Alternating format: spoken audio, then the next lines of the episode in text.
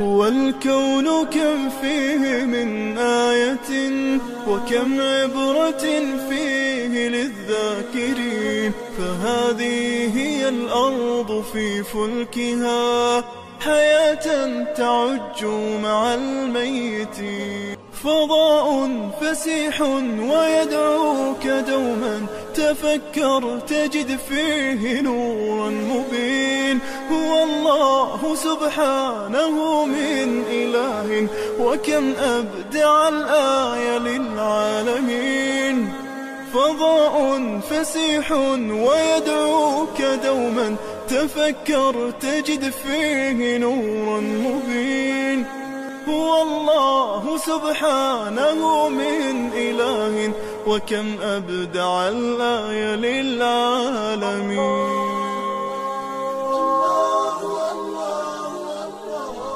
بسم الله الرحمن الرحيم الحمد لله رب العالمين والصلاة والسلام على رسول الله صلى الله عليه وسلم أما بعد السلام عليكم ورحمة الله وبركاته daawadayaal mar kale iyo kulanti ku soo dhowaada barnaamijkeeni taxanaha ahaa ee idinla wadaagaysay jamaacatu saadicuuna bilxaq habeenada bisha barakaysan ee ramadaan. Barnaamijkeennu oo mowduuciisu ahaa daalikum allahu rabbi. Caawa waxaa marti inoogu ah injineer yaasiin xaaji cabdi injineer ku soo dhawo barnaamijka. Oo ah daalikum allahu rabbi. Waxaan rabnaa inaan isweydiino sidee allah subxaanahu watacaala uga dhex baran karnaa nolosheenna ama nolol maalmeedkeena shukran.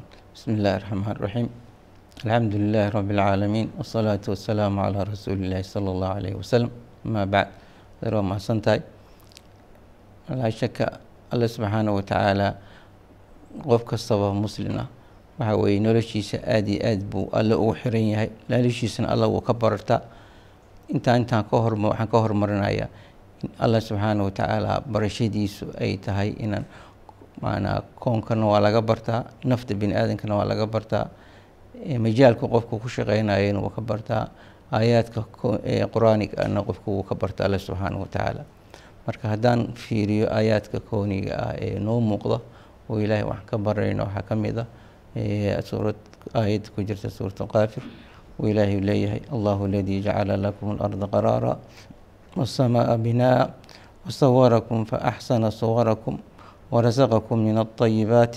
ذلكم الله ربكم فتبارك الله رب العالمين. هو الحي لا إله إلا هو فادعوه مخلصين له الدين. الحمد لله رب العالمين. aad waxay uga muuqataa awoodda alle subxaana watacaala iyo nicmooyinka uu bini aadanka u galay. Ayay ka mid tahay inuu macnaa samadii arladii u abuuray. Qurux suurad qurux badan wanaagsan insaankii ku abuuray dayibaad wanaagsanna uu siiyey kadibna la leeyahay rabbigaas sifooyinkaa iskale ama nicmooyinkaas inay siiyey ayaa mudan in isaga la caabudo aayadda ku xigtana saas ayuu leeyahay huwa alxayu laa ilaaha illaa hu fadcuuhu mukhlisiina lahu diina alxamdu lilaahi alcaalamiin waxaa layska rabaan inay tahay in ilaahay loo barax yeelo macnaa aan waxba macnaa shirki iyo kufri iyo nifaaq aan macnaa diintiisa iyo islaamkiisa aysan wada soconin ilaahay keliya uu noqdo allah qofka uu caabudayo wixii ka soo harana uu ku kufriyo ilaahayna u khaalis yeelo u saafi yeelo diinta iyo hogaansimka. Islaamka wax kale ma waa in alla loo hogaamsamayo uu nolosha isaga uu ka taliya marka nicmadaas allaha na siiyey ayaan rabnaa inaan nolol maalmeedkeenana aan ka barano siduu ilaahay macnaa noogu nicmeeyey. Marka haddaan taa ku sii wado macnaha xayaatada macnaa aada waxay igala muuqataa anigu siduu alle meelar fara badan uu wanaag ii sameeyey oo xagga xifdiga iyo xagga macnaha waxa weeye ilaalinta. Sidoo suurada aayada qaarkood macnaha uu markuu qofku uu dhandhansado ula noolaado aada u dareemayo uu alle u leeyahay fallaahu khayrun xaafida wa huwa arxamu raaximiin maanaa allah ayaa macnaa ugu khayr badan waxa wax xafida isagaana ugu naxariis badan wax ilaahay waxa waxa naxariista oo macnaheed inay tahay nolosheen dhan alla ayaa maamula isagaa ayaa macnaha na wax jirkeena iyo xibnaheena xafida marka allahaas saas noo xafida nolosheena ayaa la rabaa nolosha kaleetan inuu hogaamiyo oo bini aadamku laba qeybood weeye qeybna macnaa waxa weeye iraado ayuu ilaahay siiyey. Qeybna ilaahay iraado ma siino macnaa jirkiisa siduu u shaqeynayo iyo markaan koonkan u yimaado iyo markuu ka tegayo iyo xibnihiisa gudaha si u shaqeynayaan alla unbaa maamula. Laakiin insaanka waxaa la siiyey ikhtiyaar inuu doorto dariiqa saxda ah. Oo ilaahay wuxuu leey inaa hadaynaahu sabiila imaa shaakiran wa imaa kafuura marka tuu isagu markaa uu doono inuu qaato. Kadibna marka haddii uu tii islaamka uu qaato uu koonkan u hogaansamay oo jirkiisa u hogaansamay qofku marka wuxuu ku noolaanayaa xayaata ah oo waxaa iswaafaqaysa. Macnaa wixii jirkiisa oo abuuritaankii wadnihii beerkii keliyii sida u shaqeynayay iyo sida koonka u shaqeynaya baa isku waafaq isla jaangoosama isku meel u wada soconaya oo alle u wada hogaansan yihiin marka tiisi ikhtiyaarka markuu ku darsadan qofku marka wuxuu noqonaya qof mudma-in ah qof xasiloon. Haddii taa ay dhaci weydana way ka muuqataa hadda wadamadatan ama nolosha. Sida hadda ay ka muuqato markii labadaas isku mid noqon waayaan inay macnaa waxa weye khalqal uu nolosha u galay. Haddaan taan ku sii wado waxa weeye alla subxaanahu watacaala allahaas saas kuwa xafiday oo noloshaado dhan ilaalinaya. Ayaa mudan inuu isagu nolosha kaleeto u taliyo isaga lagu shukriyo isaga lagu gorto nicmooyinka isaga inuu sameeyey siduu ilaahay u leeyahay walman yakla'ukum bileyli waannahaari min alraxmaani bal hum can dikri rabbihim mucriduun. Macnaa waryaa ina ilaaliya waryaa ina ka warqaba yaa macnaha waxa weeye habeenkii. Markuu qofku u seexdo xibnihiisa oo idil macna alla ayaa maamula. Haddii wadnihii noqon lahayd haddii beerkii noqon lahayd haddii madax caqligiisii iyo macnaa maskaxdiisa ay noqon lahayd maalintiina waa sidoo kaleeto. Allahaas ayaa maamula. Marka waxaa leeyahay allaha maamula oo noloshiina saa u maamula ayay ku habbooneed ku wanaagsaneyd inay macnaa isagana u hogaansataan oo diintiisa aada qaadataan oo diintiisa ay noqoto mid noloshiina ka talisa. Oo noloshiina aad u hogaamisaan noloshiina aada u hogaamisaan saas maasha allah waa mowduuc muhima xifdiga allah subxaanahu watacaala uu bini aadamka xifdiyey iyo ricaayadiisa iyo ka warqabkiisa iyo mar walba inuu ilaalin alle subxaanahu watacaala uu ku jiro. Haddaba arintaas injineer yaasiin sidey noloshaada marka markaad yani fiiriso xifdigaas bini aadamka allah subxaanahu watacaala uu u galay sidey noloshaada saameyn ugu lahayd? Noloshii saaweyn bay ku leedahay oo macnaha mararka qaarkood meelo badan buu qofku ka soo shaqeynaya xayaatadiisa meelo fara badan ba waxa weeye u arkaya waxyaabaha marka aada iigu muuqata waxay ahayd macnaha marmar bini aadamku meelahan ka shaqeyn jiray bini aadamku mar wuxuu soo sameynaya oo qof rabaa inuu ku kontaroolo ama ku xafido macnaa macnaa c c t v la yihahdo macnaa kaamarooyin loogu talagalay qofkaas macnaa in waxaa meesha yaa lagu xafido oo meeshaas lagu ilaaliyo ama jid haddii noqon lahayd ama haddii xafiis noqon lahayd ama haddii noqon lahayd mataqaana waxa weeye waddooyinka marka taa laakiin waa wax bini aadan uu sameeyey. Mararka qaarkood waxaa weye khalal fara badan baa ka dhacaya. Macnaa kamerada ruuxadeedii baa laga yaabaa inaysan shaqeyn. Kameradii waxaa dhici karta inay shaqeysa laakiin qofkii waa laga yaaba in isoo qariyey. Oo mada dembiyo ama arrimo fara badan oo dhacay xal waa loo heli waayey marka c c t v wax xafido laakiin waxa wax xafida oo marka waxa weye qofka damiirkiisa in laga dhiso oo allaha weyn aan ka soo in lagu xiro. Marka qofku wuxuu noqonaya qof camera ma dhihi karo qof aan leenahay ilaahay macnaa uu daalacanayo. Siduu ilaahay wallahu bima tacmaluuna basiir wallahu bima tacmaluuna khabiir.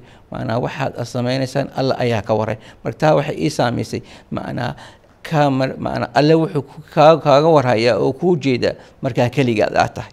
Markaa gurigaaga aad joogtid marka waxa weye shaqada aad joogtid. Marka maciyadaas ale iyo ilaalintaas ale ayaa waxay kugu beeraysaa inaan wax fara badan aada is ilaalisid maadaama alle uu kuu jeedo nicmooyinkaa faraha badan kuu sameeyey. Laakiin bini aadamka wuxuu degsaday oo ah macnaa kaamarooyinka saa hadda soo sheegnay. Waxyaabo fara badan khalalkaasaa ku jiro. Mararka qaarkood xal loo heli maayo. Laakiin qofka muslimka macnaa waxa weeye alle ayaa ujeeda alle ayaa arkaya oo macnaha waxa weeye ka abaalmarinaya. Marka cabsidaas ayaa qofka ku jirta oo ah raqaabada ilaahay ayaa ku jirta oo afar iyo labaatan saacadood. Xataa markuu qolkiisa u tago bal iska wadaayo markuu sariirtiisa u tago oo macnaha waxa weye wuxuu dareemaya alla inuu macnaa la socdo alla inuu ka warqabo alla macnaa qalbigiisa iyo khaadirkiisa waxa ku soo dhacay yimaado siduu ilaahay subxaana watacaala suurata qaafi u yiri laqad khalaqna alinsaana wanaclamu maa tuwaswisu bihi nafsu wanaxnu aqrabu ilayhi min xabli lwaliid macnaha waxaa saaran ilaalis iyo xifdi iyo ka warqabid. Dhinacna ay tahay macnaa allahaas cadiimka ah ayaa kaa warhayo kaa warqaba oo ku ilaalinayo xibnahaaga ku ilaalinayo dhinacii kalena cabsi ay tahayo oo macnaa haddaa la timaadid wuxuu rabbiga uusan raalli ka ahayn in beri lagula xisaabtami doono oo lagaa warhayo marka taasna saas ayay ii taaban maasha allah haddaba markaan yani haddaad ka soo hadashay mowduucii allah subxaanahu watacaala iyo siduu mudalic u yahay oo addoommadiisa uga warqabo oo xaalad kasta ay ku jiraan uu ka agdhow yahay oo acmaashooda iyo waxa ay samaynayaan uu sidaas uga warqabo oo cid alla wax ka qarin karta aysan jirin waxaas ay samaynayaanna.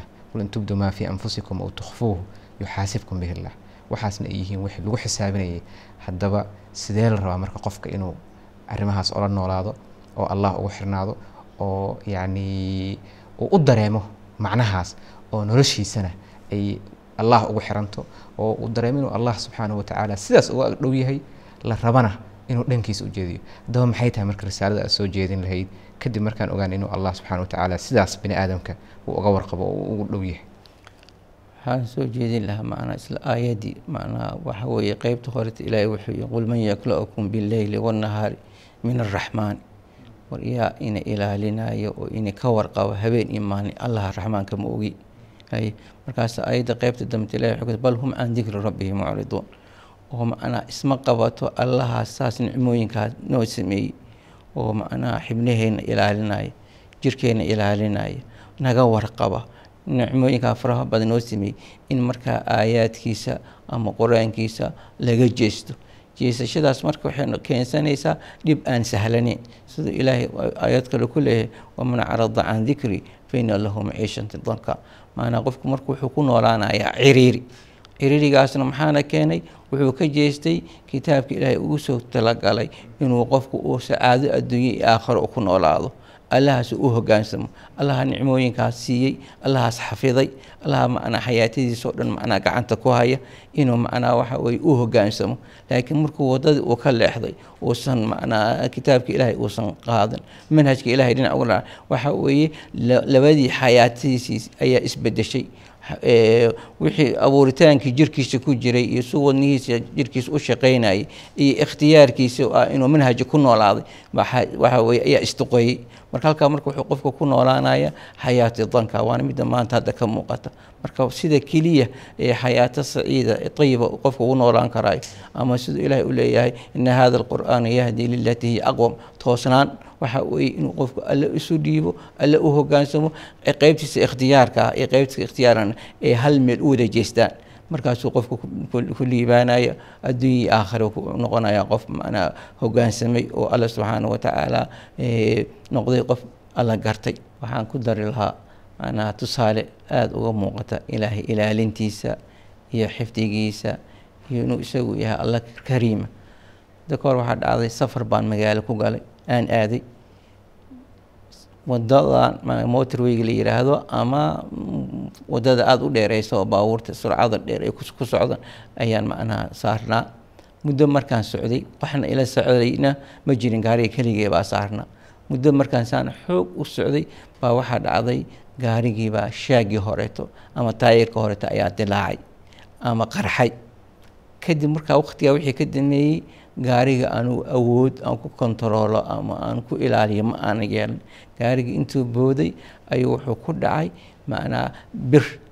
Birtaasna macnaa waxa weye waxay kala qeybisaa labada waddada labada macnaa highway motorwayga labada baabuurta kala marayaan qeybta soo socota iyo qeybta kale isdhaafaya. Sida baabuurka hadduu shil u galo inuusan waddada kale usan u gudbin.